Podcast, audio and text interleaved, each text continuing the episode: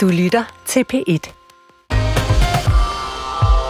Det er muligvis ikke så politisk korrekt, men vi er nødt til at tale om, at vi alle har en markedsværdi på arbejdsmarkedet.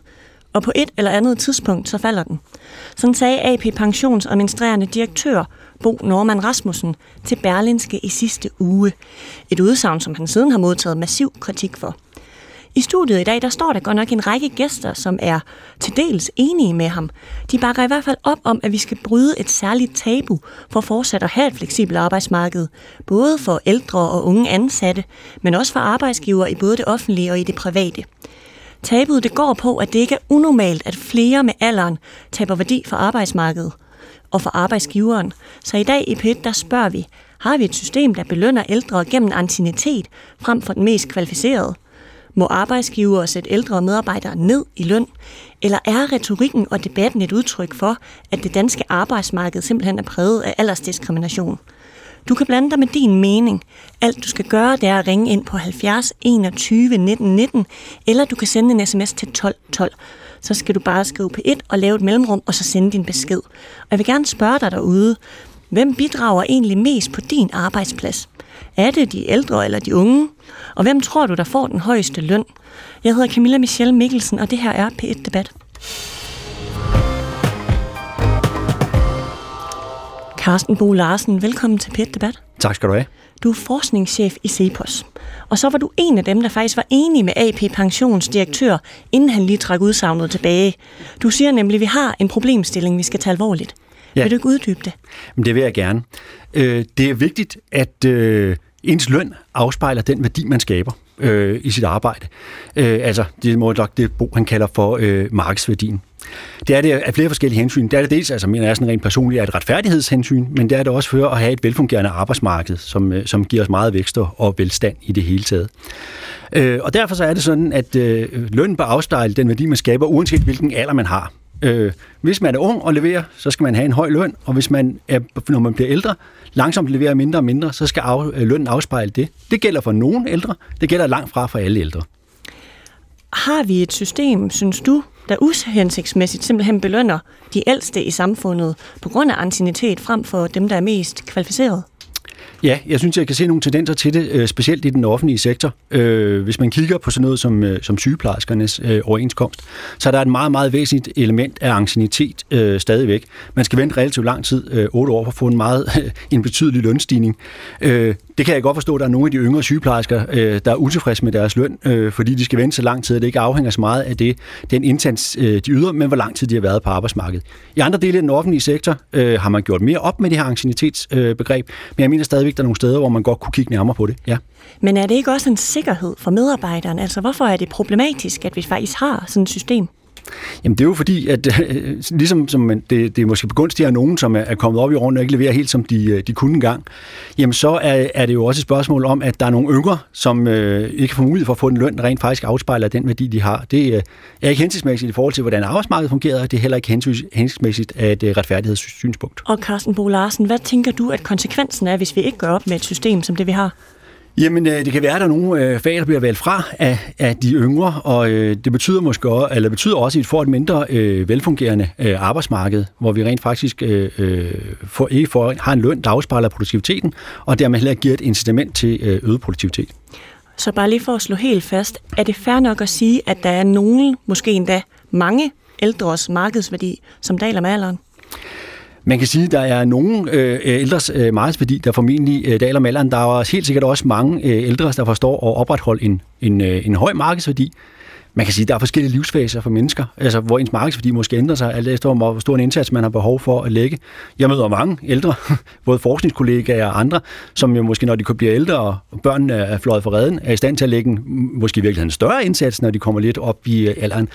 Som sagt, det skal ikke afhænge af alder, det skal afhænge af indsats og resultater. Godt. Katrine Lester, du er direktør for Danske Seniorer, og du står ved siden af, af Karsten. Velkommen til. Tak skal du have. Har vi et system, der gennem antinitet simpelthen belønner de ældste borgere, frem for dem, der er mest kvalificerede til at udføre et stykke arbejde? Det synes jeg faktisk ikke, vi har. Det er, der er enkelte overenskomster derude, hvor anciennitet vægter vældig, vældig, vældig højt, men det er ikke ret mange, og det er ikke ret meget længere. Tværtimod har vi jo set igennem en årrække, også for sygeplejerskerne i øvrigt, at man forholdsvis efter få år, altså otte år af et arbejdsliv, er jo ikke ret mange år, når man nu skal arbejde 40 år øh, mindst i alt, øh, ender på det, der er, der er slutlønnen, og man derfra kun får højere løn, hvis man øh, forhandler sig til kompetencetillæg eller funktionstillæg eller øvrige tillæg. Så grundlæggende tror jeg ikke, den store udfordring, vi har på arbejdsmarkedet i dag, er, at vi lønner seniorer for meget. Altså den helt grundlæggende udfordring på arbejdsmarkedet i dag er jo, at vi har behov for, at seniorer arbejder mere og har lyst til at arbejde mere.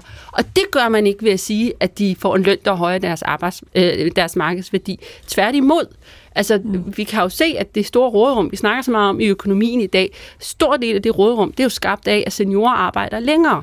Ikke kun fordi der er blevet lavet tilbagetrækningsreformer, der sådan lidt med pisk har tvunget folk til at blive længere på arbejdsmarkedet. Men, men har... seniorer arbejder mere, end de burde, kun på grund af tilbagebetrækningsreformerne. Har Carsten Bo Larsen fra Cepos en pointe, når han siger, løn skal af, altså afspejle produktivitet og ikke alder?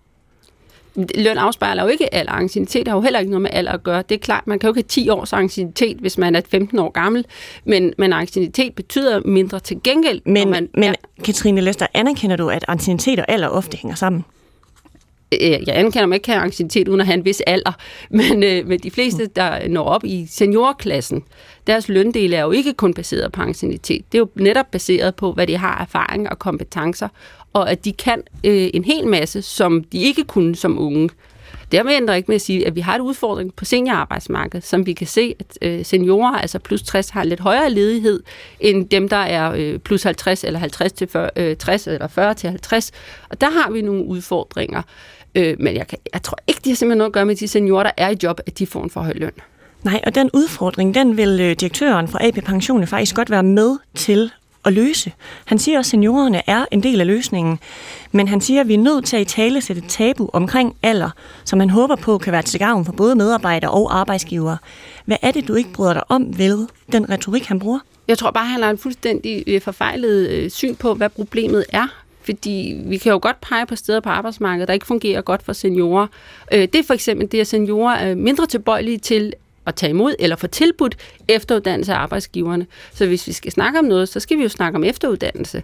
Og det har jo ikke noget med alder at gøre. Øh, der kan jo være en tendens til, at man tænker, at hvis nogen er meget tæt på pensionsalderen, så skal man ikke investere i udviklingen af deres kompetencer. Men, men, og det kan måske også eksistere både i hovedet på arbejdsgiverne og måske også på arbejdstagerne. Men når vi for eksempel ser den nye, det, der sker på arbejdsmarkedet i øjeblikket, på tværs af sektorer med ChatGPT og AI, så er vi nødt til at sige, at alle, der skal være på arbejdsmarkedet bare om et år eller om to år, har behov for efteruddannelse. Og der er det jo vigtigt, at arbejdsgiver og arbejdstager er enige om, at alle skal efteruddannes inden for det område. Carsten Bo Larsen. Ja, øh, jamen, øh, jeg, det er jo selvfølgelig rigtigt, at øh, der er behov for øh, de ældre, og jeg tænker på, at en mere fleksibel lønstruktur kunne jo også være til fordel for, øh, for folk, der eksempelvis gerne vil arbejde lidt mindre, eller arbejde lidt mindre intensivt, altså gå ud og ledelse, eller have lidt mindre øh, intensivt, så man er forpligtet til at tage den pakke, man hele tiden har været på. Så en, øh, en mere fleksibel lønstruktur, hvor man siger, nu er jeg ligesom ikke indstillet på at levere så meget, men så kan jeg også gå lidt ned i løn. Det tror jeg sådan set kunne være til øh, seniorernes fordel, også være med til at, øh, at fastholde nogen. Og så bare en enkelt ting øh, omkring øh, angstinitet. Det er selvfølgelig det, der øh, øh, driver noget af det her, men der er også en række andre elementer i, i lønsystemet. Altså noget som forfremmelser, øh, til, øh, til stillingskategorier, som du ikke lige kommer ud af, øh, selvom du kommer op i alderen og måske ikke helt kan varetage den opgave, øh, du har. Vare i tillæg og forskellige andre ting, som også kan være svære at justere på, specielt hvis du sidder i den offentlige sektor. Jeg har en fortsat tid som chef i den offentlige sektor og haft den der problemstilling inde på livet. Så det er ikke kun angstinitet, der er også nogle andre elementer i lønsystemet, der, som kan være svære at som at sige, rulle tilbage eller få til at følge medarbejderens produktivitet, uanset hvor medarbejderne er i livet. Godt. Jeg har jo sagt, at man kan ringe ind på 70 21 19 19, og det har Sten, Sten Palm, Palvi fra, fra Birkerød gjort. Velkommen til, Sten. Tak. Du, du har lyttet lidt med. Hvad tænker du, når du hører øh, debatten her? Jamen, jeg tænker, jeg har den vinkel på det, at øh, med hensyn til alder, så er øh, Danmark det land i verden, hvor der er den højeste grad af aldersdiskrimination. Og øh, der er så mange forfærdelige øh, myter knyttet til det med alder. Jeg er jo helt med på, ja, hvad at får dig til at sige det, Sten? Ja, det, det, det er det, at jeg øh, selv er blevet fyret sammen med mange hundrede øh, medarbejdere på grund af alder. Øh, og jeg var 61 på det tidspunkt ud af et stort amerikansk firma, og jeg var så den eneste af, af 200 mennesker, der fik et ordinært job bagefter. Da de så skar ned der, så røg jeg for første gang ind i det her øh, jobcenter-system. Og, øh, og der sendte jeg 200 ansøgninger, og jeg har et fantastisk CV, og jeg ringede dem altid op, og jamen, det var da helt, det var da helt utroligt så godt, at du må endelig søge, og så videre. Og så, øh, og så havner ansøgningen i, i de større virksomheder. Øh, jeg er IT-mand gennem 40 år. Og Sten, må så jeg bare lige spørge dig om, hvor, hvor gammel ja. er du?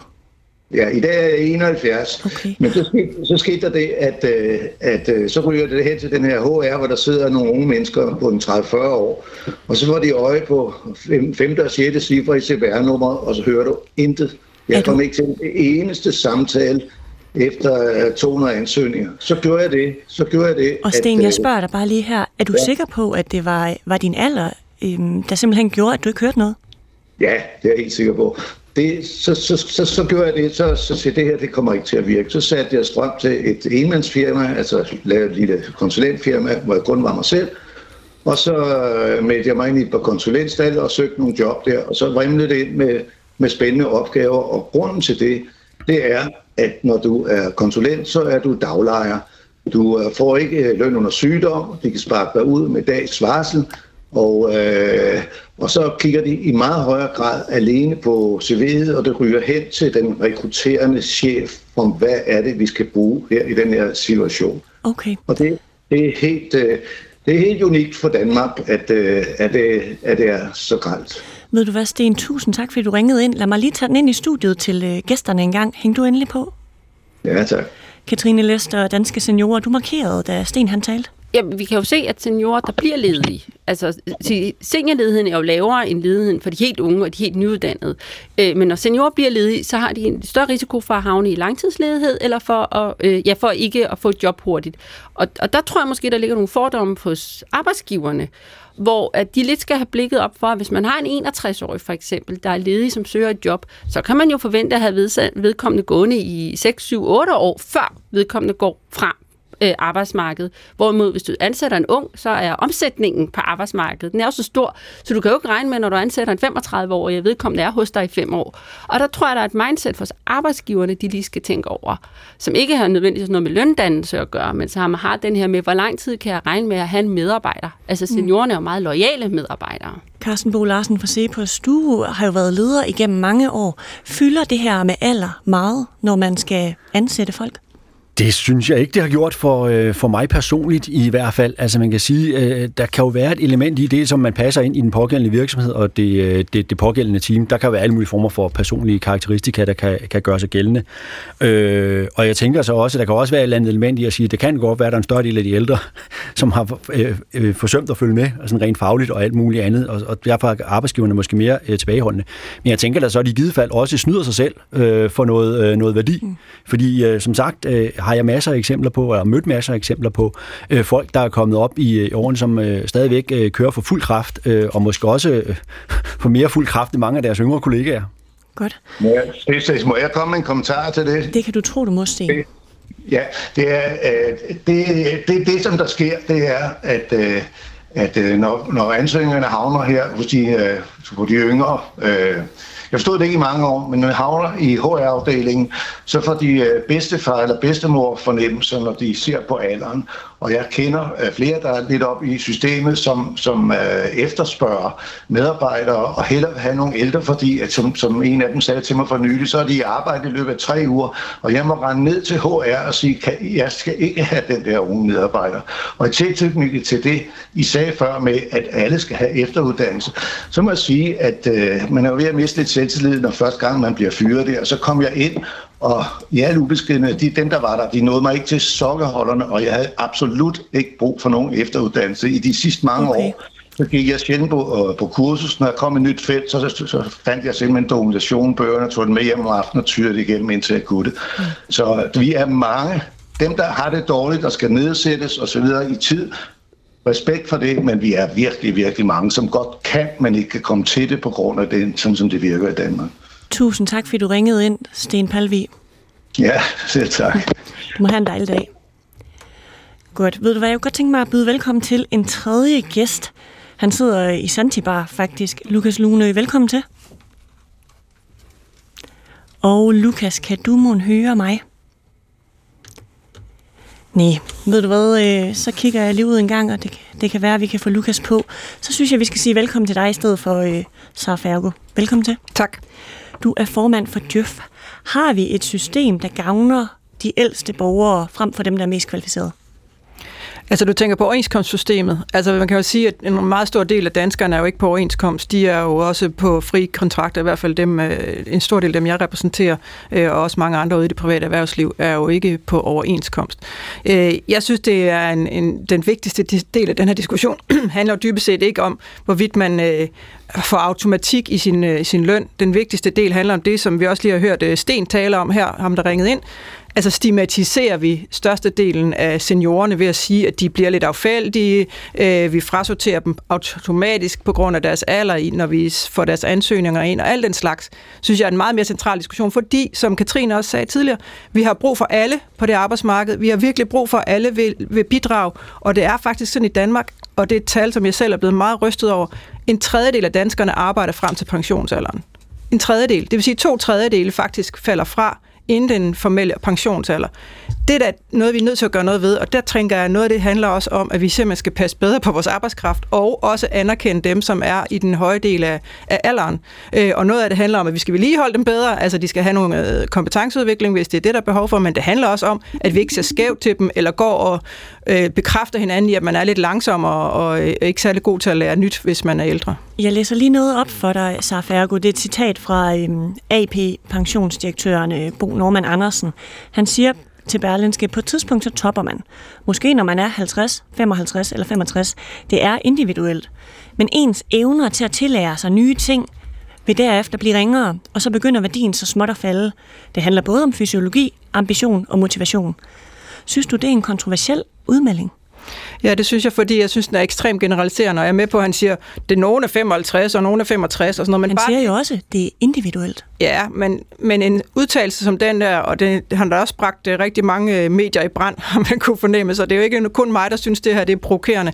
Det handler jo om, at man på en eller anden måde siger, vi har en del af befolkningen, og det er jo en ret stor del af befolkningen, der er over 50 år, øh, eller 55 år, som vi siger, de er på en eller anden måde lidt mindre værd end alle andre. Og ja, måske kan der godt være, at nogle af dem lærer langsommere, øh, hvis vi ser ud fra en eller anden øh, meget øh, gennemsnitlig betragtning. Men det er jo ikke kun evnen til at lære nyt, der skaber værdi på en arbejdsplads, og heller ikke ens markedsværdi. Det handler jo også om, øh, at man øh, har dyb erfaring i noget, man har prøvet ting før, man er måske god til at skabe øh, sammenhængskraft, man har et kæmpe netværk, alle mulige andre kvalifikationer. Og, det er jo svært at måle produktivitet på, på den måde i den her sammenhæng. Så jeg synes selvfølgelig skal man diskutere, hvad skal folk have i løn?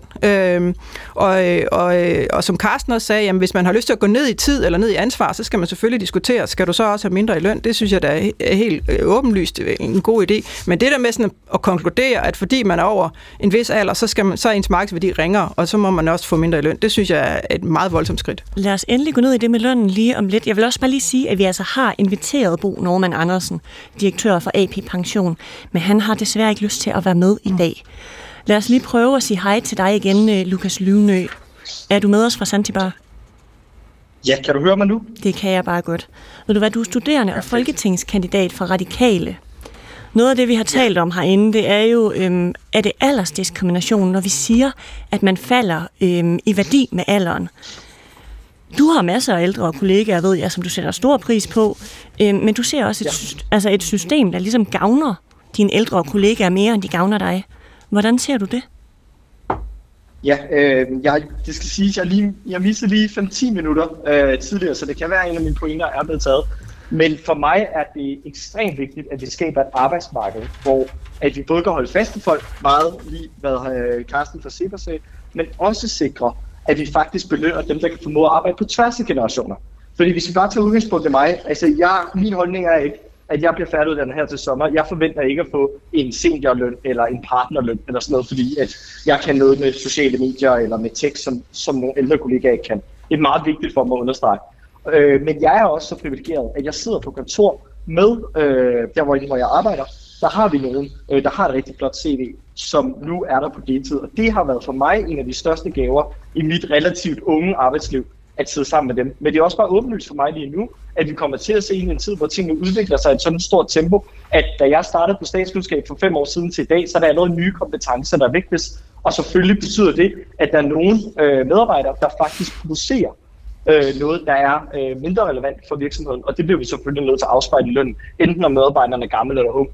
For mig er det her ikke et spørgsmål om uh, alder, det er et spørgsmål om at holde fast i folk og sikre et, uh, et, mm. et fleksibelt arbejdsmarked. Og Lukas Lune, du siger det her med, uh, hvis man ikke producerer det samme, som man gjorde engang, så skal det afspejles i lønnen. Hvad mener du med det?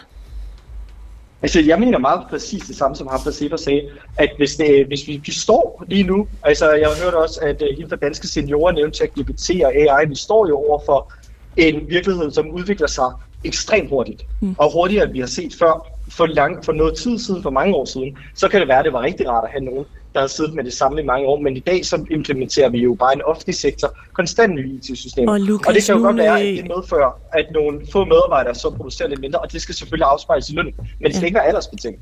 Det skal bare handle om, at man skal få løn for den værdi, man skaber. Så Lukas Lune, hvis din øh, ældre medarbejder, nu slynger jeg et tal ud øh, på 70, han producerer mindre, end mm. han plejede, så skal vi altså sætte ham ned i løn? Ja, måske tilbyder ham en deltidsaftale, eller okay. tilbyder ham en, øh, en ordning, der er fleksibel for ham. Det synes jeg kun er rimeligt. Helt ligesom at, for, og der hvor jeg tror, at min generation især, øh, også vi talte om det her med sygeplejersker, otte år er rigtig meget for min generation. Vi kan også se ind i et arbejdsmarked, hvor vi kommer til at skifte job hvert halvandet år, hvert andet år. Så, så vi bliver også nødt til at tage hensyn til, at, at det er en anden, nogle andre spilleregler, og det er nogle nye generationer, der kommer ind på arbejdsmarkedet. Og der går det ikke, at man skal sidde og vente i otte år, før du kan se en uh, form for lønstigning. Det skal ske hurtigere. Godt. Jeg skal lige have en mere på banen. Thomas Berndt, erhvervsredaktør for Berlinske. Så for saten. Ja. Det, det skralder lidt ved dig, og det er fordi, du er på Langeland, Thomas Berndt. Ja, det er helt sikkert derfor. Ja, okay. Ved du hvad, skal det være øhm, ikke kontroversielt som chef at have en, samme, øh, en samtale med sine medarbejdere om, øhm, prøv at høre her, jeg oplever, at du øhm, er mindre produktiv, end du var for, lad os sige, fem år siden. Derfor synes jeg, at du skal gå ned i løn. Skal det være okay? Ja, ja nej. Altså, det, jeg synes er det besæt ved, ved debatten, og vi får den også gentaget her i studiet, øh, og, og det er jo, at, at man lader sig provokere af det her indlæg fra Bo Normand. Øh, det vi jo har haft en diskussion om i Danmark i meget tid. Jeg ved, hvor jeg ved ikke, om du selv kan høre, men der sker altså noget helt vildt bag dig, Thomas Berndt. Jamen, øh, jeg, jeg, det er kun min telefon, så det, jeg Nå, prøver lige at gå ud, det kan fungere. Okay, ja. Men du siger i hvert fald, kan jeg bare lige samle op, at debatten bliver simpelthen misforstået, som du oplever det. Jamen, altså, eller jeg synes indlægget, jo ikke, eller interviewet. Ja, man skal jo ikke lade sig provokere af Bo Normand. Altså, han går ind i en diskussion om et åbent og, og rummeligt arbejdsmarked, og det er der så nogen, der lader sig provokere af og hæfter så meget ved. Men pointen, han har, er jo simpelthen den, den meget enkle, det er, at vi har også hørt her i studiet, det er jo noget, dør ind, at vi har en overledighed blandt ældre. Og så siger man så, at det skyldes alt muligt andet. Jamen det kan jo faktisk også skyldes den her overledighed, at der er et mismatch mellem kvalifikationer og løn. Altså at der ikke er den sammenhæng, derfor bliver folk. Og hvis vi på en eller anden måde kan finde et svar, en løsning på det, så skal vi da gøre det. Så jeg må bare lige sige, og nu nævner jeg bare lige en case fra tilbage i tiden, da Thomas Bernd, jeg er nødt til at simpelthen lige... Okay, ved du hvad, jeg tror måske, det faktisk er Lukas Lune, jeg lige skruer ned for. Nu kan... jeg, tror, det, det jeg tror heller ikke, det er din... Øh, nej. Nå, nu siger jeg det lige til dig, Lukas. Jeg ved ikke, om du kan få styr på, at der sker noget bag dig. Og så øh, tilbage til dig, Thomas Bernd. Beklager for på styret. Jamen, det er fint. Øh, men Andreas Kamp i 2015 gik jo ind i en diskussion omkring, at produktiviteten for eksempel for flygtninge indbrændere var for lav i forhold til det høje danske lønniveau. Det var også et ekstremt kontroversielt melding. Men vi må simpelthen ikke lade os provokere når mennesker kommer med et indlæg i debatten, hvor de har nogle pointer, der er rigtige. Og jeg må sige, da jeg læste på Nordmands interview, der tænkte jeg, det var da interessant. Jeg var slet ikke provokeret, og jeg vil bare lige meddele, at, at jeg er 58, øh, så jeg kan rundkøbe være en af kandidaterne til, at nogle dage prikker mig på skulderen. Vi må kunne have en fordomsfri debat om Godt. Så Fergo, øh, formand for Djøf, du blev jo faktisk provokeret, da du læste, og nu siger Thomas Berndt, øh, erhvervsredaktør for Berlinske, det behøver du slet ikke. Nej, men det er da pænt, at han må sige. Men jeg vil jeg så spørge tilbage, Thomas Berndt, hvordan sikrer vi så øh, arbejdskraftudbuddet i Danmark, hvis vi har en hel befolkningsgruppe, som jo er temmelig stor, som vi begynder allerede nu at sige, de er ikke så meget værd, derfor så må de godt øh, se at komme hjem og, og spille golf i stedet for at, øh, og bidrage til samfundet. Det, det synes jeg er en rigtig ærgerlig måde øh, at, øh, at betragte en, en stor del af medarbejderne på, for det er det signal, man sender utilsigtet eller ej, at hvis der er nogen, der er mindre værd, så har vi ikke så meget brug for dem, øh, og derfor så, har vi, så kan de så godt lade være med at gå på arbejde. Og det er, jo ikke det, vi, det er jo ikke det, vi har brug for i Danmark. Vi har jo brug for, at alle arbejder mest muligt, længst muligt. Thomas Bernd, er det, det rigtigt? Det synes jeg faktisk, at, at Bo Norman faktisk med et konkret eksempel svarer på. Det var en direktør hos ham, der gik og skiftede til et andet job til en lavere løn. Han kom jo netop med eksemplet. Og jeg mener faktisk, at jeg vil skyde tilbage til dig og sige, hvorfor er det, at, at du misforstår hans udsendelse om, at alle ældre har mindre værdi? Det, jeg læste i Bo Normand, så den diskussion, vi burde have, er jo i virkeligheden, at, at hvis, det, hvis det, der skal til for, at vi får et arbejdsmarked, hvor man efter gensidig aftale kan finde ud af at ændre nogle fornuftige vilkår øh, på løn og arbejdstid, jamen så er det måske noget, der kunne få folk til at blive længere. Øh, jeg opfattede slet ikke, og slet ikke, når man kiggede på den case, som øh, Bo Norman selv bragte ind i debatten, nogen som helst desavouering af ældre, men konstatering af det helt objektive, det er, ja, hvis man gerne vil arbejde til man er 80, så kan det være, være til en lavere løn. Thomas Bernd, jeg afbryder dig lige her. Hvordan skal det ske? Altså, hvis vi gerne vil beholde de ældre på arbejdsmarkedet, hvordan skal vi så beholde dem, hvis vi vil sætte dem ned i løn? Jamen, jeg, jeg, jeg og det er måske der, hvor, hvor jeg egentlig opfatter mig selv nu som, som have det venstreorienterede synspunkt, nemlig at folk faktisk godt kan lide arbejde, gerne vil gøre det, men at der sker åbenbart med, noget med kontrakten mellem erhvervslivet og, og, og virksomhederne, eller mellem virksomhederne og de ansatte, når man er oppe i 60'erne, hvor vi ikke er gode nok til at holde fast i dem. Er vi gode nok, har vi fleksible nok vilkår, både for den ansatte og for virksomheden i forhold til at få dem til at blive. For jeg er fuldstændig enig i udfordringen. Jeg synes, det er helt på månen, at vi har en overlighed blandt, øh, eller en meget stor overlighed. Jeg synes, det er helt på månen, at vi ikke får folk til at blive øh, langt nok på arbejdsmarkedet. Og jeg så totalt, jeg er ikke defensor for ham, øh, fordi at han så går i dækning og flygter, når han bliver mødt med en lille smule blæst. Han burde, som, han burde simpelthen bare være i studiet i dag og forsvare de synspunkter, han havde i Berlingske. I, ja, i stedet og han for, er også øh, inviteret, men han vil desværre ikke være her i dag. Ved du hvad, Thomas Bernd, jeg tager den lige ind i studiet en gang. Øh, lad os bare lige tage en runde på. Altså, må man godt sætte øh, ældre medarbejdere ned i løn? Carsten Bo, Larsen, øh, Cepos. Ja, hvis de ikke leverer, hvad de hidtil har gjort, så mener jeg, at det var oplagt at gøre. Ja hvis de ældre selv ønsker, altså seniorer selv ønsker for eksempel mindre arbejdstid eller mindre ansvar, så er det jo selvfølgelig en del af diskussionen, at de bliver omplaceret til en anden stilling.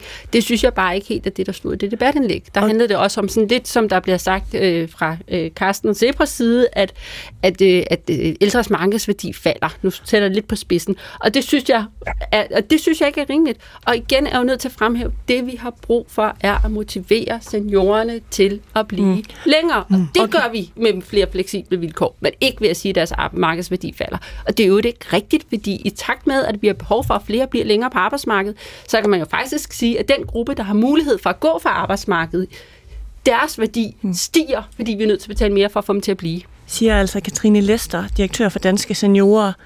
Øh, kom igen her, Carsten ja. Bo. Altså, gør du det for... Øh, for, for underligt det her. Altså, er du, er du for hård i retorikken, når du siger, ja, hvis de ikke øh, hvad hedder det, producerer det samme, som de plejede, så skal de altså ned i løn?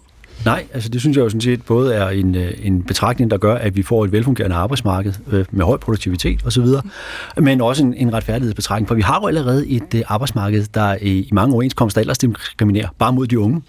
Man antager, når en ung kommer ind på arbejdsmarkedet, har man ikke så meget erfaring, og så kan man ikke så meget. Og så stiger man i hvert fald de første år løbende i løn på nogle øh, anciennitetstrin. Og det er nok også generelt set meget rigtigt. Der kan være individuelle forskelle der, hvor hurtigt man bliver god, og så videre. For de ældre er der måske også den øh, øh, generelle ting, at der er en vis sandsynlighed for, at øh, en større del af dem har glemt at følge med, eller øh, er faldet i, øh, i performance. Men det ved arbejdsgiveren jo ikke, når man ser på vedkommende, man står overfor, om det er en ældre, der rent faktisk er god, eller om det er en ældre, som øh, er faldet i produktivitet. Og her kunne det måske være en idé at være lidt mere åben for, at man prøvede folk af til en lavere løn i en periode. Okay, så man rent faktisk kunne have information om, hvad det er for en, øh, en medarbejder, man står overfor, og så kunne stige derefter. Øhm, Sara Fergo, synes du, det er en god idé, øh, formand for Djøf, at vi lige prøver de ældre af i en periode til øh, en lavere løn? Altså jeg er helt sikker på, at man som arbejdsgiver hele tiden prøver sine medarbejdere af og, og få det bedst muligt ud af dem. Og jeg vil bare sådan bringe ind i debatten, at når vi fra Djøfs side ser på vores medlemmer, så kan vi se, at der er en en, øh, en tendens til, at i det offentlige man, fyrer man flere seniorer, end man gør i det private i forhold til, hvor mange der er. Og hvis vi skal tage det for gode varer, det som Carsten fra Cepos og andre siger, så vil det jo være absurd, at man i det private ikke fyrede flere, hvis man kun er optaget af markedsværdi hvor man jo ikke har en overenskomst, der bestemmer, hvor meget man skal have i løn, men tværtimod er nødt til hele tiden at prissætte den medarbejder. Så hvis man i det private synes, de, øh, de seniorerne er mere værd, dem vil vi gerne beholde, frem for i det offentlige, hvor man faktisk fyrer dem, så er der et eller andet i mit hoved, der ikke helt hænger sammen i, i den, den uh, argumentation, som Karsten fremfører. Her vil jeg gerne ind.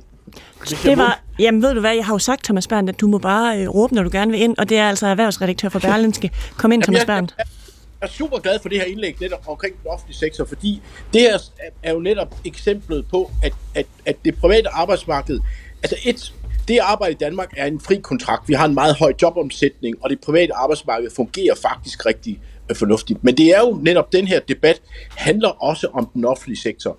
Og, og der må vi sige, det er jo, derfor jeg synes jeg eksemplet med den offentlige sektor, hvor man har en, en, en at, at ældre bliver fyret i endnu højere grad, afspejler jo simpelthen, at man også i det offentlige har simpelthen sat de her mekanismer ud af spil.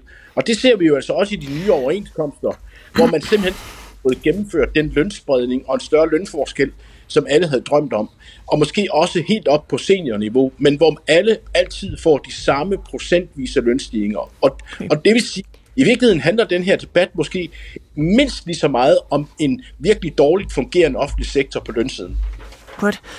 Så Færgo, formand for Djøf, du ser så træt ud lige nu. Ja, men jeg blev lige nødt til at anfægte den sidste der, fordi i hvert fald de medlemmer, jeg repræsenterer, de er på en AC-overenskomst i det offentlige, og den, er ikke, den har ikke særlig mange løntrin. Så det der med sådan at påstå, at, at, at man er nødt til at fastholde dem øh, på en særlig høj løn, det, det giver simpelthen ikke nogen mening. Altså man er nødt til at sige, at, at i det offentlige, der er nogle andre vilkår, øh, og, øh, og der er markedsværdi bare ikke et af de issues, men det er jo ikke det samme som, at man ikke giver tillæg og alt muligt andet, og det gør man jo kun, hvis man synes folk, at det er værd. Altså, der er jo ikke nogen ude i kommunerne eller i staten for den sags skyld, der går og, og kaster om sig med penge, som de ikke har. Altså, det giver dem jo kun til nogle folk, de gerne vil fastholde. Og bare lige sådan på en sløjfe på det, øh, mine medlemmer, de tjener 20% mere, hvis de går ud i det private erhvervsliv, end de gør i det offentlige. Så derfor så er deres markedsværdi jo markant højere, end det de egentlig får i det offentlige. Godt. Nej, det ved du jo ikke, fordi der, man kan jo ikke sige noget om markedsværdien i den offentlige sektor, og at man kan få 20% mere end den private sektor afspejler jo også en fyringsrisiko, men trods alt er lavere samlet set. Det vil jeg så anfægte. Godt. Ah, så Færgo og Thomas Berndt. Det, det kan jeg høre, det bliver I to ikke enige om. Så derfor så, øh, så tager vi lige en lille pause her, fordi der er masser af hænder i studiet. Jeg har også en gæst, jeg ikke har budt velkommen til endnu, og jeg har en hel masse lyttere. Så nu tager jeg lige nogle lyttere, og så vil jeg godt byde velkommen til vores øh, næste gæst. Der er en, der blandt andet foreslår det her med, med løn, vi var inde på, ikke? Øh, der står, jeg foreslår seniorløn. Man slutter på den løn, man starter på. Og en tre-dages uge. Altså lad os bare sige 40.000 i stedet for 80.000 mandag, onsdag til fredag. Er det en god idé, Katrine Lester og Danske Seniorer? Det er da en super god idé for dem, der gerne vil øh, arbejde halvtid og få halv løn for at arbejde halvtid. Men det er jo bestemt ikke alle, der gerne vil det. Vi ser jo i højere og højere grad, at dem, der arbejder efter pensionsalderen, ikke nødvendigvis gør det fuldtid. At de vælger at gå ned enten som vores IT-mand tidligere på nogle form for, man er konsulent og bliver hyret ind. Nu snakker vi sygeplejersker tidligere, de kan tilmelde sig et vikarbyrå, hvor det i øvrigt giver super god mening, at man har meget lang erfaring, fordi man så kan have bedre forudsætninger for at træde ind i hvilken som helst stilling på en afdeling eller en kommune, hvor man har akut behov for nogen, der træder ind. Men vi ser jo også rigtig mange, uanset aldersklasse, der er glade for at have en fast stilling, have øh, jobsikkerhed, have vide, hvad de skal, og som, har, øh, som trives med det fællesskab, der er på en arbejdsplads, og som bestemt ikke vil tvinges ned i tid eller mases ned i løn, bare fordi der er nogen, der har nogle øh, gode idéer. Du kan gøre ligesom lytteren her ved at øh, sende en sms til 1212. Du kan også ringe ind på 70 21 19 19. Og det har du gjort. Jesper Christensen, du bor på Vestjylland. Velkommen til. Hallo. Hallo. Hallo. Hej hej. Velkommen til Pet Debat. Jo, tak. Jesper, øh, er det noget med, at du kører lastbil? Jeg kan høre lidt i baggrunden. Det gør jeg, ja. Ja, okay. Nå, og det kan du godt gøre samtidig med, eller skal du lige holde ind til siden? Nej, nej, det kan jeg sagtens gøre. Mm. Det er moderne lastbil med håndtryk. Okay, Så nå. der er ingen problemer der. Nå, det er godt. Jeg vil bare være sikker på, at det var sikkert, ikke? Nej, nej, nej, rolig. Nej, nej. Nå, godt. Okay, hvad vil du gerne øh, spørge om, Jesper? Jamen, jeg synes bare, at den debat her, den lyder helt... Øh, den lyder ham fra Sebos, den lyder som om, at øh, os, som har været på arbejdsmarkedet i mange år, vi er ikke noget værd. Okay. Øh, han, Det er øh, Carsten Bo Larsen, du taler om. Ja, han tager slet ikke den faktor med erfaring med. Øh, en, en, en nyuddannet chauffør på 20 år, der kommer fra en landtransportskole, kan han jo overhovedet ikke sammenligne med en som mig, som har siddet i en lastbil i 49 år og Er- er kørt du- hele Europa tyndt. Jesper, øh, er du bedre end de unge øh, nye chauffører der? Men den erfaring, jeg har, kan du jo ikke, øh, kan du ikke give en nyuddannet stemme, han er mere kvalificeret, end jeg er på papiret, fordi han har en uddannelse. Altså, jeg har jo ikke en uddannelse, Nej. men jeg har 49 års erfaring. Øh, det er jo det samme med en, en bogholder, en regnskabschef eller noget, som ikke laver et produktionsarbejde i en virksomhed, kan du jo ikke sammenligne med en nyuddannet. Nej, okay. Den Det er erfaring, vedkommende har optjent igennem et langt arbejdsliv, det kan, du, det kan du jo ikke sige, at det ikke er penge værd. Super, Det, det, er Jesper. jo, det, det, er jo, det, er jo, øh, det er jo, lyder jo ligesom om, at når du er 55, så den erfaring, du har lavet igennem et arbejdsliv, den er ingenting værd. Det kan du lige så godt smide ud. Du kan ikke bruge det til noget. Det skal være nyt. Det er det, han siger jo. Lad- Både lad os- ham og ham fra. Lad os lige spørge øh, Jesper. Hov, jeg, jeg skruer lige ned for mig selv her, så der ikke er ekko på. Carsten Bo Larsen fra Cepos. Mener du simpelthen, som øh, Jesper har fået opfattelsen af, man er ikke noget værd, når man er over 55? Nej, på ingen måde. Øh, som jeg også sagde før, at så mener jeg, at ens løn skal afspejle den værdi, man har. Og den kan sagtens være høj, selvom man er over 55, og den kan også være lav, selvom man er under 55. Øh, så det synes jeg generelt set, så det mener jeg på ikke nogen måde. Jeg synes at måske bare, at man lige skal tage højde for, at der er jo en grund til, at vi har et øh, system, der sender folk på pension, når de når op i en vis alder. Altså, det er jo sådan på et eller andet Hvad er tidspunkt... det for en grund? Jamen på et andet tidspunkt, så er der jo altså sådan, at når man bliver gammel, øh, så er der nogle ting, man ikke kan. Ens muskelstyrke øh, øh, formindskes eksempelvis, hvis man har et håndværksjob eller alt muligt andet. Så der er en grund til, at vi har et pensionssystem, fordi der man jo på, mener på et eller andet tidspunkt, der kommer op i en alder, hvor det bliver svært at, øh, at, at varetage et job. Det er meget individuelt, når det er. Jeg har kollegaer i forskningsverdenen på 80, der kører på max, og, øh, og, øh, og så videre. Men, øh, men, men på et eller andet tidspunkt, så bliver alder jo en faktor. Altså, det kan man jo ikke komme udenom. Jesper Christensen, Ved hvad, du, und, und, undskyld, ved du, hvorfor vi ikke har nogen efterlønsordning i Danmark med? der bliver spurgt, ved du, hvorfor vi ikke har nogen efterlønsordning i Danmark mere? Er det det, du spørger om, Jesper?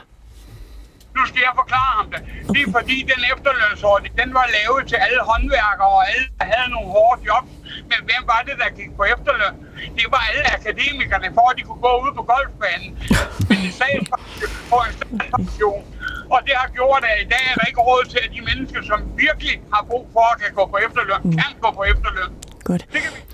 Jesper, ved du hvad? Den debat, den tager vi en anden dag. Øh, Tusind tak, fordi du ringede ind til den Debat. her. Det er jo en del af den debat her. Tusind tak, fordi du ringede ind, Jesper Christensen. Og rigtig god uh, tur i lastbilen der. Tak skal du have. Hej. Hej så. Fordi nu vil jeg altså gerne byde velkommen til øh, vores sidste gæst, Lene Kronborg. Velkommen til. Tusind tak. Du er karriererådgiver, og så er du indehaver af det konsulenthus, der hedder Noble Life. Yep. Fortæl lige, hvad det er, du laver i det konsulenthus. Jo, men altså, jeg vil godt tænke mig at starte med én ting, fordi for kort tid siden, der var jeg oppe og lave en lille undersøgelse i Jylland, øhm, hvor vi talte med samtlige seniorer i en kommune. Og jeg synes faktisk, det er ret interessant, at man, øh, man jeg synes, det er ret interessant, at man ikke ser på seniorerne, altså på medarbejderne. Vi taler hele tiden rundt omkring medarbejderne, og ikke med medarbejderne. Øh, og, og hvis vi nu startede med at spørge seniorerne, hvad er det egentlig, I gerne vil have? øh, så vil man må meget længere, fordi i dag vil seniorerne faktisk gerne arbejde. Og de er også godt klar over, at måske skal de ned i løn, og måske skal de lave noget andet, måske skal de omskoles. Så på en eller anden måde, så kunne jeg godt tænke mig at starte med at sige tak til Bruno Norman, fordi han tager det her op, fordi den eneste måde, vi kan komme til at arbejde med de her ting, det er ved at tale om det. Hvis vi hele tiden taler rundt om det, jamen så når vi ingen vejen. Vi har en situation lige nu, hvor vi bliver nødt til at have mange flere hænder til at arbejde. Vi kommer til at mangle rigtig, rigtig mange medarbejdere om kort tid. Og det vil sige, at vi har en stor gruppe af medarbejdere, faktisk den største lige nu, det er seniorerne. Og hvis de skal blive, nu skal de behandles som medarbejdere på lige fod med alle andre. Mm. Altså, det jeg er bange for lige nu, det er, at man begynder at kaste seniorerne ned i sådan en kasse, hvor de alle sammen har sådan nogle stereotyper og fordomme. Og vi er lige så forskellige som alle mulige andre. Og det er det, jeg arbejder rigtig meget med, det er at sætte værdien af seniorerne på dagsordenen, fordi det er sindssygt vigtigt. Og denne her værdi, som du også er ja. Inde på, er det rigtigt, at den værdi, den falder med årene? Så det er jo det, som nu prøver Carsten også siger, at selvfølgelig er der da forskel på seniorer. Altså jeg kender folk, der arbejder til de 80, jeg kender også nogle, der er gamle, der er 50. Men det, der er vigtigt, det er, at man ikke sætter folk i en bås. Lige nu der er det sådan, at lederne rigtig mange ledere ude i virksomheden, de er bange for at tage diskussion med, virksomheden, med, med, med seniorerne, fordi at de ikke rigtig ved, hvad vi skal sige til dem. Men vi bliver nødt til at tage diskussion, hvor længe vil du blive på arbejdsmarkedet? Kunne du tænke dig at lave noget andet? Kunne du tænke dig en omskoling, sådan så du bliver? Men hvis man ikke tager den diskussion, hvis lederen ikke tager tage diskussion med medarbejderen, jamen så lige nu så er det sådan så, at medarbejderen holder op. 42 procent af de medarbejdere, der holder op lige nu og går pension, de er faktisk ikke blevet spurgt, om de vil blive eller lave noget andet. Og det synes jeg er et stort problem. Lytterne Jesper Christensen, der ringede ind fra lastbilen her, han synes altså, det er nedsættende at tale om det på den måde, som øh, Carsten Bo Larsen blandt andet gør for Cepos. Hvad tænker du om det? Jamen, jeg er faktisk enig, fordi at du bliver nødt til at se på værdien af et menneske. Der er jo ikke nogen, der har spurgt Margrethe, dronning Margrethe, om hun skulle hendes værdi eller ej. Hun blev til, hun var 82. Der er heller ikke nogen, der spørger præsidenten i USA om hans værdi. Men, men gør Carsten ikke lige præcis det, du efterspørger faktisk? Han tager snakken, han står jo her og, og taler med os. Jo, jo, vi bliver bare nødt til at tage den op på et andet niveau. Vi bliver nødt til at, at ture tage snakken med seniorerne. Dem, som det i virkeligheden handler om. Vi taler hele tiden rundt om det, og det, det synes jeg er virkelig vigtigt. Og vi har jo i hvert fald en repræsentant fra seniorerne, øh, Katrine Lester. Ja, og de fleste seniorer vil jo gerne spørge os, og de vil gerne ind i en dialog, men det jo mm. skal være en dialog, der handler om, hvad kan få dig til at blive, hvad kan udvikle dit arbejdsliv, hvad er det for en fleksibilitet, du gerne vil have. Fordi seniorer har jo på visse områder brug for mindre fleksibilitet end de unge. De skal ikke hente hver dag. På andre områder øh, har de måske nogle andre ønsker. De, øh, dem, der er seniorer på arbejdsmarkedet i dag, de er jo ikke gamle. De opfatter ikke sig selv så gamle. De vil ikke omtales som gamle. Til gengæld kan mange af dem have for ældre, der er blevet gamle og voldsomt plejekrævende, og som jo så kræver noget af dem, fordi det er jo en af de opgaver, man løser. Ligesom man tager sig af sine børn, når man har små børn, så hjælper man også med at tage sig af sine forældre, når de bliver plejekrævende. Øh, så der er nogle andre typer fleksibilitet. Og jeg er enig i, en stor del handler om omskoling, om, øh, om uddannelse, om, øh, om spørge fleksibilitet, men det kan have jo ikke noget med alder at gøre. Der var jo en gang, hvor fra, næsten fra den ene dag til den anden, så blev hele typografværvet fuldstændig forældet. Der havde man en stor gruppe medarbejdere, man måtte omskole. Det ser vi jo også i dag, og kommer også til at se i fremtiden. Og jeg har lige... Øh, våget at skrue op for, øh, for linjen til Santibar, Lukas mm. Lunø, for jeg ved, du stadigvæk er med, studerende ja. og øh, folketingskandidat for Radikale. Du har siddet og lyttet med. Ja, det har jeg.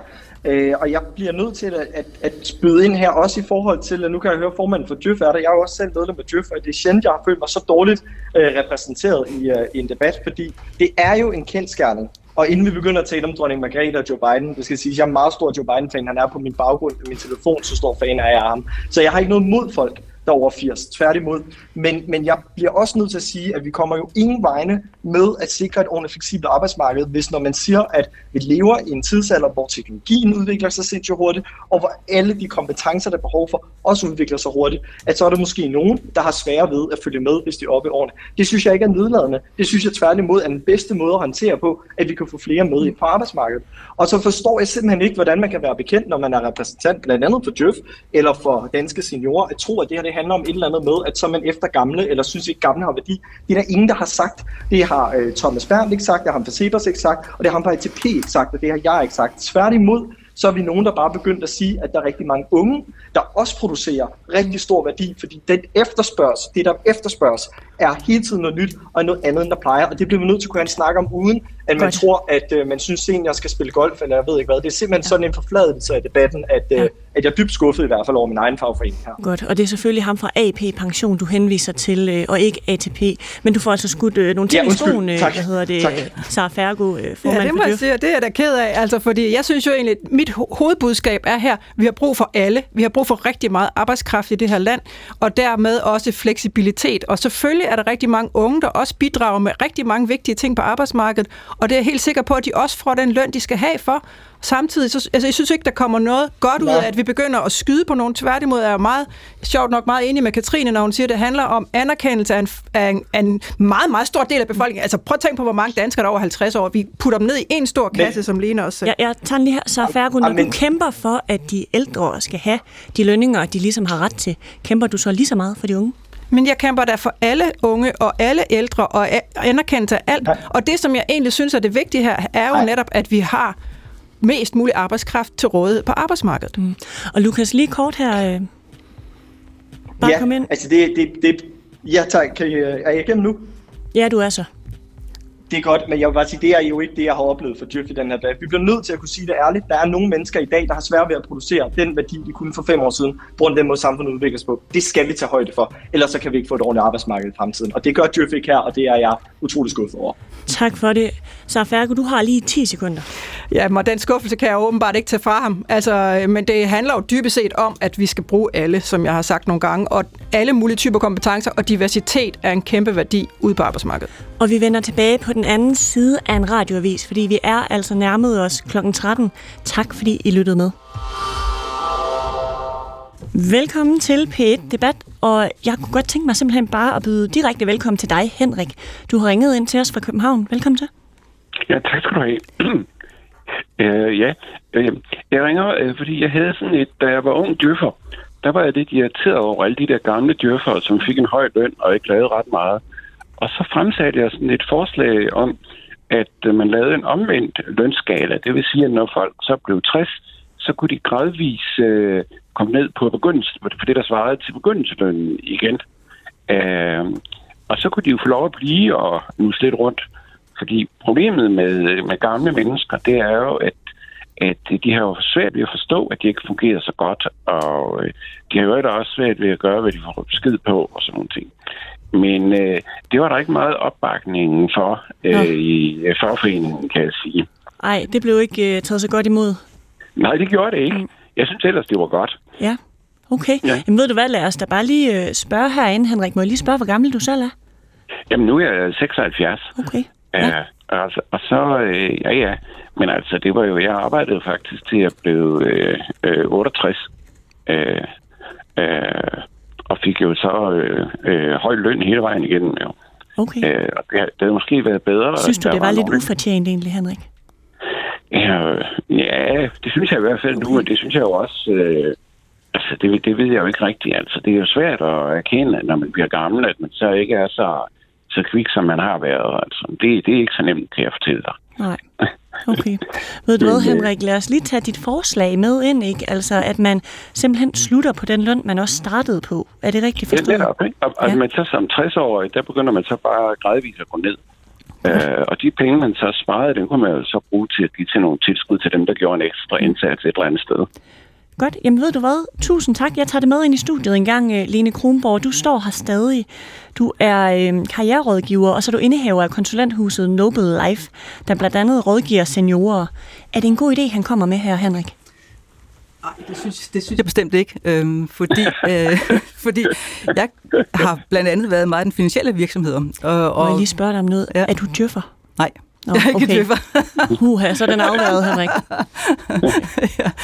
Nej, fordi at, at, øh, jeg kommer rigtig meget rundt i mange virksomheder øh, og møder rigtig, rigtig mange både ledere og medarbejdere. Og en medarbejder på 60, for eksempel i den finansielle verden, kan jo være et utroligt godt aktiv. Altså jeg vil rigtig gerne have en øh, seniorrådgiver, når jeg er en bank for eksempel, eller som en revisor. Øhm, og hvis, hvis den bankmand eller den revisor lige pludselig skulle sættes ned i løn til, da han startede som elev for 40 år siden, så tror jeg godt nok, han vil blive sur. Og omvendt, så vil hans værdi jo også falde. Jeg ville da ikke gå på arbejde, hvis jeg fik løn som dengang. Kan en seniorrådgiver ikke godt være 33? Jo, det kan han godt, men et eller andet sted, så må man også bare se i øjnene, at grå hår indimellem altså gør nogle gode ting. Okay. Der er altså noget erfaring og noget viden, som er rigtig, rigtig vigtig. Og, og den viden og erfaring, det problemet er, at rigtig mange seniorer, de har måske ikke øh, været gode til at fortælle om det, det, de kan. De er ikke for, gode til at fortælle om den der seniorkompetence, som vi taler så meget om. Hvad er det i virkeligheden? Mm. Og, det, og det, der så også er interessant, det er, at lederne de er også meget dårlige til at spørge ind til, hvad er det så i virkeligheden, du kan? Hvad er det for nogle kompetencer, du har? Hvordan kan vi få dig i spil? Og hvordan kan vi bruge dine kompetencer på en god måde? Henrik, hvad tænker du om det, du hører fra Lene Kronborg her? Jamen altså, det jeg tænker, det er, nu snakker jeg ikke om, at man skal ned på en øh, elevløn. Jeg snakker om, at man skal ind på begyndelseløn for en djøffer. Den kan man jo sagtens, øh, den kan man jo sagtens leve af. Og det, jeg snakker om her, det er jo, at gamle mennesker har utrolig svært ved at kende deres begrænsninger. Øh, de tror jo, at de bliver klogere og klogere med alderen, i stedet for at blive mere og mere øh, forbenet og øh, leve i deres idiosynkrasier. Øh, så det, øh, øh, så det synes jeg ikke er rigtigt, hvad, øh, hvad hun siger. Øh, Fordi øh, vanskeligheden er jo, at gamle mennesker har svært ved, altså både for at de heller ikke kan høre noget, så er de jo også svært ved at lytte til andre mennesker. De har svært ved at sætte sig ind i, øh, i, nye, i nye ting og nye begreber. De har svært ved at... Er, er det ikke lidt generaliserende, Henrik, det du kommer med nu? Jo, jo. Okay, ja, ja, okay. Ja, det er, Jamen, bare så vi er øh, enige. Det er, der øh, det er der bestemt ikke generalisering. Okay. men, øh, men nu har jeg også... Øh, altså, jeg har også oplevet det på den måde, at jeg både har været ung djøffer, og så er jeg også øh, chef, inden jeg holdt op. Så jeg har jo oplevet øh, begge dele, og jeg synes, det var meget, meget typisk, når jeg havde folk til ansættelsessamtaler, at øh, gamle mennesker, de havde ikke svært ved at fortælle om, hvor gode de var. Det vil jeg sige. Øh, det, øh, det, det havde de faktisk meget let ved. Okay. Øh, øh, det, der så var problemet, var, at det, de var gode til, var måske ikke lige det, der var brug for i en, øh, i en virksomhed i forandring. Henrik, tusind tak, fordi du ringede ind til pet debat i hvert fald. Nej, men det var en meget spændende debat. Jeg blev også fristet over evnen til lige at komme med mit forslag fra ungdommen. Og det var dejligt, du gjorde det. Tak for det. Ja. Sidder du derude og får ligesom Henrik lyst til at ringe ind, så kan du altså gøre det på 70 21 19 19, eller du kan sende en sms til 12 12. Jeg vil gerne spørge, hvem bidrager med mest på din arbejdsplads? Er det de gamle eller de unge? Og hvem tror du, der får den højeste løn? Det er P1 Debat i dag. Jeg hedder Camilla Michelle Mikkelsen.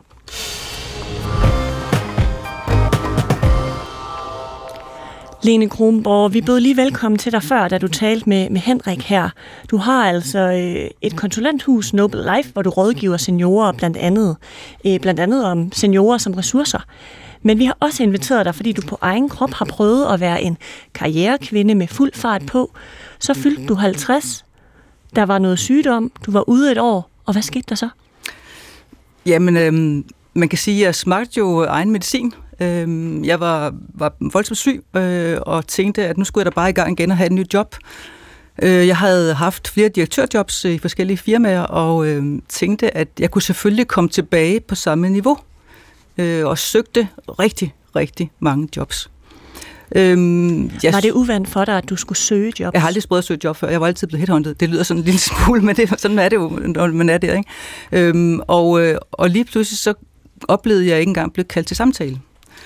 Og så er der så mange, der har sagt til mig, det var fordi, du er dårlig til at skrive ansøgninger. Det kan sådan set også godt være, men det, som jeg i hvert fald erfarede, det var, at det er enormt svært som omkring kvinde i hvert fald over de 50, at komme tilbage på det niveau som direktør. Og det møder jeg rigtig, rigtig tit i min dagligdag, hvor jeg har mange kvinder inde, som vi taler omkring det her med at komme tilbage i et direktørjob som 50, 55, 60-årige. Det er rigtig, rigtig svært. Øh, som også øh, du siger, vi har jo, vi har jo flere Nu gange... peger du på Ja, Katrine ja, undskyld, Vester, der er ja. direktør for Danske Seniorer. Ja, undskyld, jeg skal ikke bare her. øhm, og og, og det, det er bare længere, det tager længere tid, inden man kommer i arbejde igen. Og så kan man sige, jeg har ikke noget belæg for at sige, men jeg siger det alligevel, jeg tror også, det er en lille smule sværere for kvinder. Øhm, og nu ved jeg godt, at vi skal gå ind i den her diskussion, for så får vi sikkert ret mange tæsk her. Ikke? Men, Men hvorfor tror du det? Jamen det, det er bare den oplevelse, jeg har, når jeg sidder med, med mine kunder, som synes, det er svært at komme tilbage på et direktørjob. Øhm, Og da du så oplever, ikke, Ja. du sidder derhjemme, du har været karrierekvinde, du har haft direktørjobs, det er Ja. gået skide godt, mm. så er du ude med sygdom, mm. du kan ikke komme tilbage. Mm. Hvilke tanker begynder det at sætte i gang hos dig? Jamen, der sker jo det, som der sker for rigtig mange øh, medarbejdere, når man ikke øh, er i job. Man bliver modløs. Den her modløsfaktor, den er enormt stor, og det er også det, der sker ude i jobcentrene. Når man har været længe arbejdsløs i den alder, jamen så begynder man at tvivle på sig selv. Ens, tillid, eller ens selvtillid falder. Man tænker, hvad er min markedsværdi overhovedet? Kan jeg overhovedet komme tilbage? Og det, der er jo interessant, som jeg synes, vi mangler i den her diskussion, det er jo, at alle vi mennesker, vi vil rigtig gerne bidrage. Og, og, og det var også det, som jeg håbede på, at vi kunne have talt om lidt tidligere, fordi vi, vi vil gerne bidrage så længe som overhovedet muligt. Og det vil seniorerne også. Og vi ved også, at hvis man bliver går på pension og ikke har forberedt sig, så, så er det meget stor sandsynlighed for, at man ender med en, 40 procent ender med en depression. Og det er rigtig, rigtig mange. Er det din oplevelse, at det danske arbejdsmarked er for dårligt til at sætte pris på seniorer? Helt 100 procent. Ja. Thomas Bern, du er erhvervsredaktør for Berlinske. Du er stadig med os.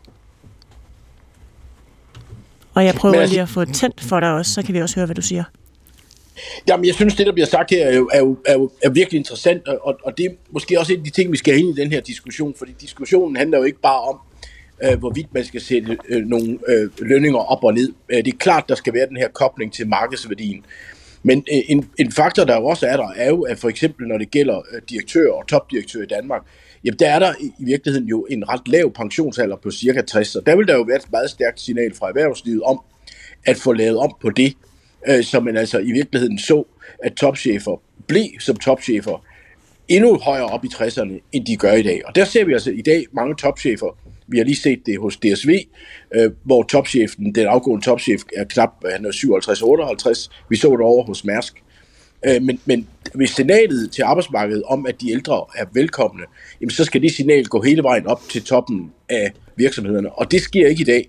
Og, og det synes jeg er en af de ting, øh, hvor erhvervslivet selv burde tage sig sammen og sige, det går jo altså ikke, at topchefer pensionerer sig som 60-årige, når signalet til arbejdsmarkedet er, at vi gerne vil have folk til at blive til de, 50, til de er både 65 og 70 eller 75 år. Er det din oplevelse, at der sådan generelt set hersker aldersdiskrimination på det danske arbejdsmarked? Jamen det synes jeg, jamen, ja og nej, jeg synes jo, at den her diskussion netop er nuanceret. Jeg, jeg, jeg tror helt klart, at der er nogle elementer af, af aldersdiskrimination, øh, ikke mindst når vi har job på, på meget højt ledelsesniveau, det hørte vi også lige fra Kronborg. Men, men, men jeg synes generelt, må man sige, der synes jeg faktisk, at man må sige, at vi har et arbejdsmarked i dag, hvor der egentlig generelt er meget respekt om øh, de ældre på arbejdspladsen. Og problemet er jo i virkeligheden at få dem til at blive nu længere. Og, og, Hvordan gør og, vi bedst det, tænker du? Jamen, jeg mener sådan set, at det er der, jeg måske synes, at det er derfor, jeg er sådan lidt frustreret over den her øh, ophidselse over Bo Normand.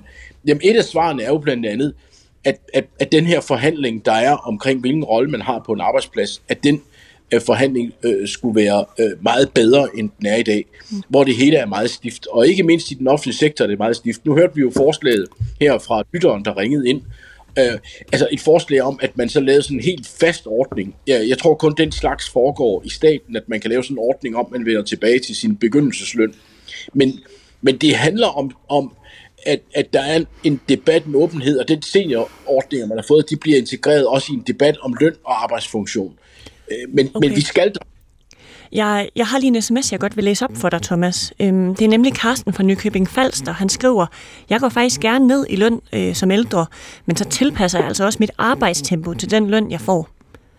Giver det mening? Jamen, det er jo, det er jo virkeligheden. Øh, den anden virkelighed, der er, og det synes jeg er en anden del af det at arbejde, er jo, at hvis man går på arbejde og synes i virkeligheden, at man får en løn, der er alt for høj i forhold til, hvad man kan præstere, så er det heller ikke nogen lykke. Og det vil sige, at, at der er jo også den relation, at man jo faktisk gerne vil gå på arbejde og gøre en forskel. Og, og, og man må bare sige, at danskerne er et meget arbejdsomme og pligtopfyldende folk, og, og det skal vi jo ikke lave om på. Men det er klart, at hvis det handler om, at det er en diktat fra arbejdsgiveren, der kommer og dunker folk over i hovedet og siger, nu skal du gå ned i løn, det jeg jo synes, der lå også i Bo Normands artikel, og for sådan set også i debatten i dag, at det her handler om en åben og fri forhandling mellem en arbejdstager og en arbejdsgiver øh, på et arbejdsmarked, hvor vi har stor frihed, i øvrigt også til at forlade det, den virksomhed, vi er på, hvis vi ikke kan lide lønnen eller arbejdsvilkårene. Godt. Katrine Lester, direktør for Danske Seniorer. Det handler om åben og fri forhandling, og hvis man ikke kan lide øh, de arbejdsvilkår, man arbejder under, så kan man jo bare forlade arbejdsmarkedet.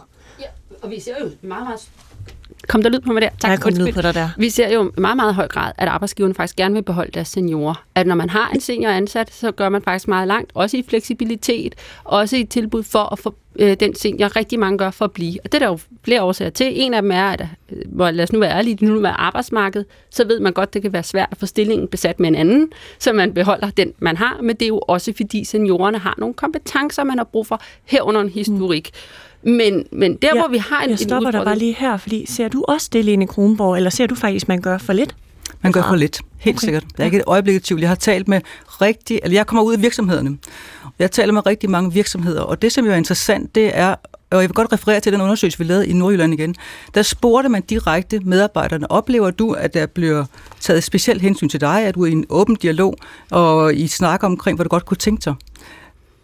Ingen at de seniorer, vi spurgte, havde været til en seniorsamtale. De havde ikke, var ikke blevet tilbudt flexjob. De havde ikke haft nogen som helst idé om, hvad det egentlig var, de kunne få. Så spurgte vi også lederne, og lederne sagde, vi er rigtig, rigtig gode til at have seniorsamtaler. Vi er rigtig, rigtig gode til at involvere vores medarbejdere. Vi er rigtig, rigtig gode mm. til at lave specielle ordninger. Men, altså, det er godt, det er et paradoks, ikke? Jo, men Lene Kronborg, ja. er det nødvendigt at gøre noget særligt for seniorer? Altså, hvorfor skal de behandles særligt? Jamen, øh, som Brian Mikkelsen sagde for et par år siden, hvis vi vil have det her samfund til at køre, bliver vi nødt til at have seniorerne til at blive længere på arbejdsmarkedet. Og det er som om, det, det, det er I alle sammen enige om, ja. faktisk. Men de skal ikke tvinges. Altså, jeg vil ikke tvinges som medarbejder. Jeg vil gerne i en dialog. Jeg vil gerne bruges og vælges på grund af mine kompetencer. Altså ikke på grund af, at jeg er senior. Og jeg har faktisk øh, været ude i en anden stor virksomhed, hvor de helt har afskaffet begrebet senior. Øh, de har rigtig mange, det var en ingeniørvirksomhed, de har rigtig mange medarbejdere, som er højt oppe i årene, for de har nogle kompetencer og en viden, som er vigtig for virksomheden. Og den HR-direktør fortalte mig, at øh, de havde sagt, at vi, vil, vi har ikke noget, der hedder seniorer, vi har medarbejdere med forskellige behov og forskellige kompetencer. Og det er der, jeg mener, man skal hen, det er, at vi skal sige, at vi har altså en gruppe medarbejdere her, som kan noget forskelligt, og når vi parer dem med nogle yngre og nogle ældre, og hvad ved jeg, så bliver det en utrolig god organisation. Men det handler om topledelsen. Det handler om, at ledelsen tager, tør tage ansvar for at gøre de her ting anderledes, end vi har gjort tidligere, for ellers kommer vi ingen vejen. Katrine Lester, Danske Seniorer. Ja, altså det var min pointe, inden jeg blev afbrudt, det var jo, at det vi ser i forhold til seniorer, der er blevet ledige, når det så sker, at seniorer bliver ledige, det er jo så, at de jo er længere tid ledige, og de har svært ved at komme til samtale.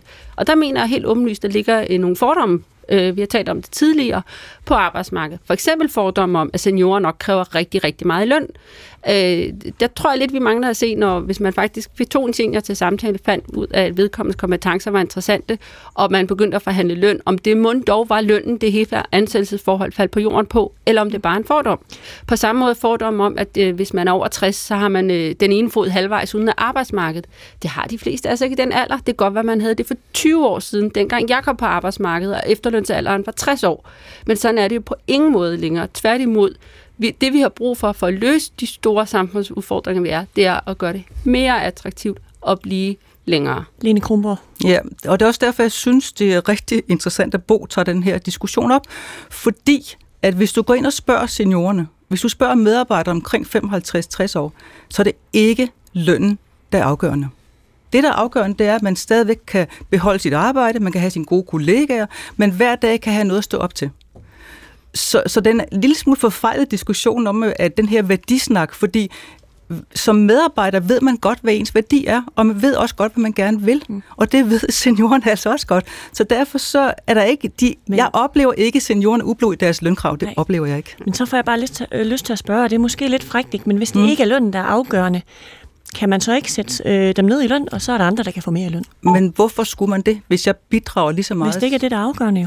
Jo, men jeg vil da gerne have den løn, som jeg har fortjent, og den uddannelse. Nu har jeg måske taget en lang uddannelse, så vil jeg da gerne have den løn, jeg skal have.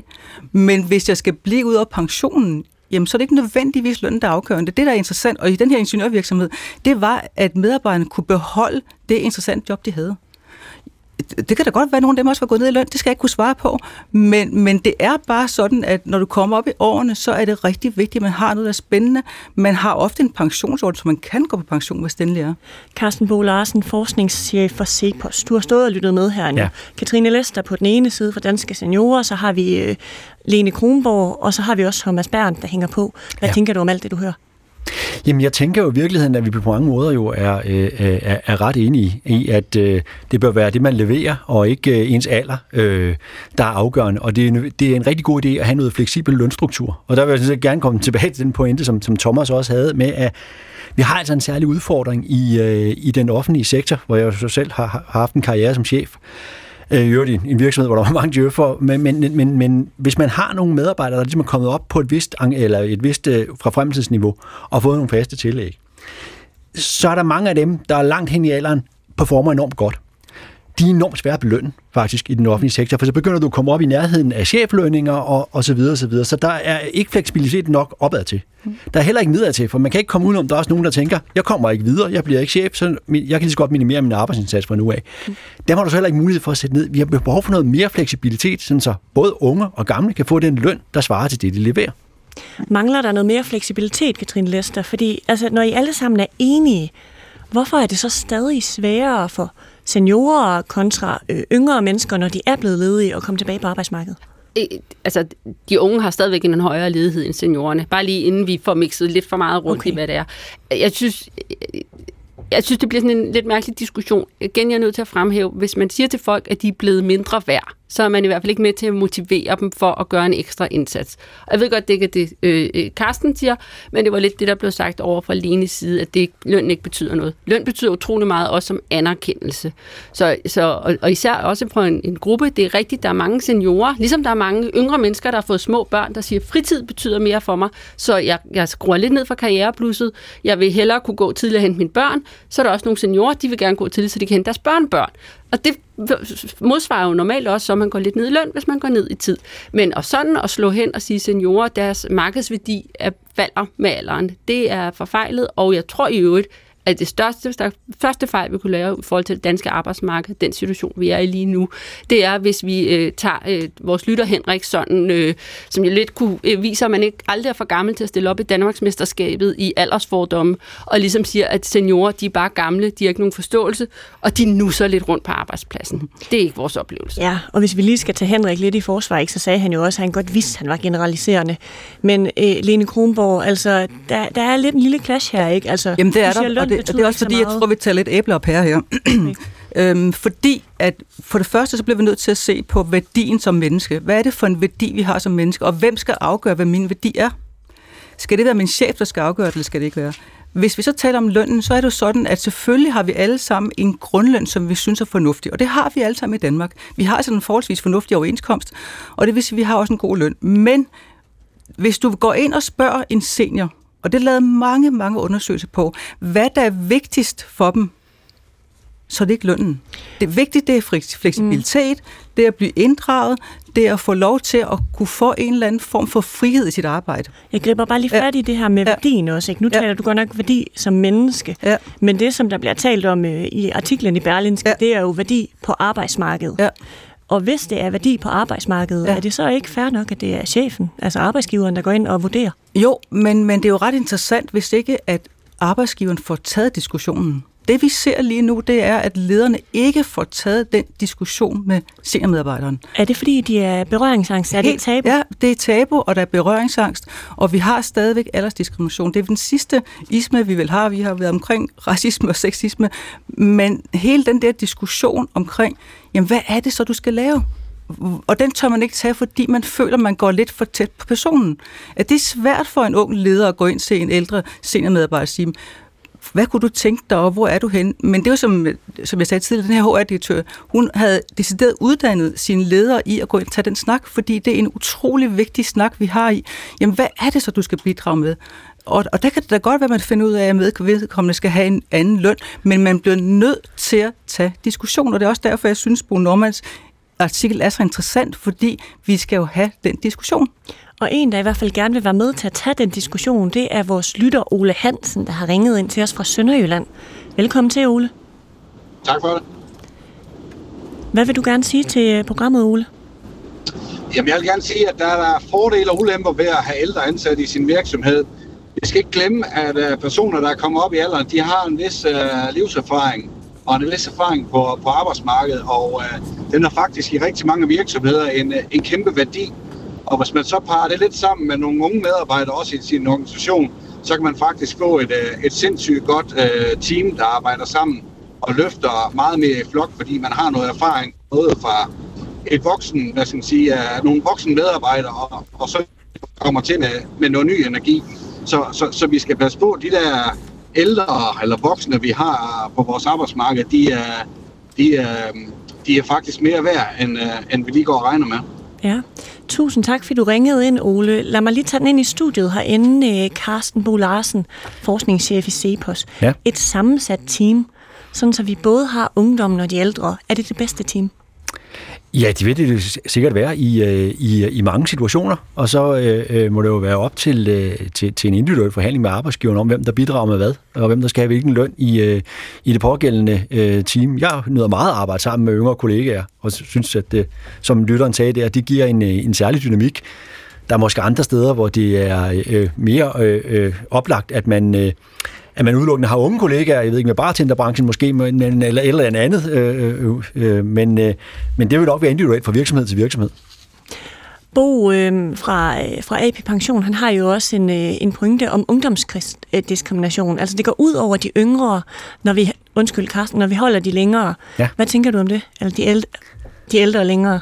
Det er, øh, det, det er jeg sådan set enig i, altså øh, når det bliver alder, og ikke hvad der bliver leveret på arbejdspladsen, som, øh, som, som bliver den afgørende faktor, eller, eller en for afgørende faktor, jamen, så er det klart, så er det ikke retfærdigt, som jeg også lagde ud med at sige, øh, fordi så er det ikke, hvad man leverer, der bliver der af, lønnen afspejler, men øh, hvor lang tid man har været der. Godt. Ole Hansen, tusind tak, fordi du ringede ind og var med i debatten. Velbekomme. Godt. Lene Kronborg, du markerer her. Ja, det er fordi, at jeg tror, man igen skal passe på med ikke at falde ned i den, som vi faktisk talte med Sara om i tidligere, øh, den tidligere del af udsendelsen. At man Sara skal, Fergo, formand for ja, at man skal falde ned i den her pap, eller den her, øh, hvor man hele tiden putter alle seniorer ned i en kasse. Når du ser på arbejdsmarkedet, både på det private og offentlige, der er så mange forskellige kompetencer. Og, og vi kan ikke sige, at alle seniorer skal behandles på en måde. Vi bliver nødt til at gå ind og se på det offentlige, vi bliver nødt til at se på det private, vi bliver nødt til at se på de forskellige brancher. Der er enormt meget forskel i forskellige brancher. Altså nogle brancher, de kommer til at mangle op til 10-20 procent medarbejdere inden for få år. Det bliver vi nødt til at forholde os til. Hvordan, hvad skal vi gøre der? Og er der nogen, der har sagt, at vi skal behandle seniorer på en bestemt måde? Jamen, jeg oplever jo i min dagligdag, at der forekommer diskrimination derude. Det gør jeg altså. Og jeg oplever også, at det er sværere for seniormedarbejdere at komme i arbejde igen. Så kan man sige, at jeg holdt en, øh, et seminar for kort tid siden inde i Ingeniørforeningen, hvor vi talte om det her med, hvad er det i virkeligheden, der sker? Og det er hele tiden, det er jo ikke fordi, nogen vil diskriminere bevidst. Det er ubevidst. Vi har en kultur, hvor der i mange år har været sådan, at alt der er ungt, det er godt. Og, og vi prøver på alle mulige måder at udskyde alderdommen lidt, men nu har vi altså behov for de kompetencer, der er. Og de seniorer, vi ser i dag, jamen de er jo ikke gamle. De er ikke nedslidte. De kan sagtens blive ved op til årene nu. Vi skal bare sørge for at få lavet et arbejdsmarked, hvor der er åbent omkring de her ting, hvor vi tager diskussionen og dialogen med de enkelte medarbejdere, og det vil være forskelligt i alle mulige brancher, og alle, altså både offentlige og private. Og det er den diskussion, vi skal i gang i. Derfor er jeg så glad for den her indlæg. det er godt. En sidste lille kommentar fra dig, Katrine Vester. Du har 10 sekunder. Så er vigtigt, at vi lige åbner den med brancher, fordi det lyder lidt som om, vi diskuterer djøffer og ingeniører mm, og ledelse. Det danske arbejdsmarked er enormt forskelligt. Ja. Rigtig mange små virksomheder, som ikke har en HR-direktør i øvrigt. Ja. Det er rigtigt. Øh, skraldemænd, socioassistenter, ufaglærte. Vi spænder bredt. Og det blev det sidste ord i dagens P1-debat.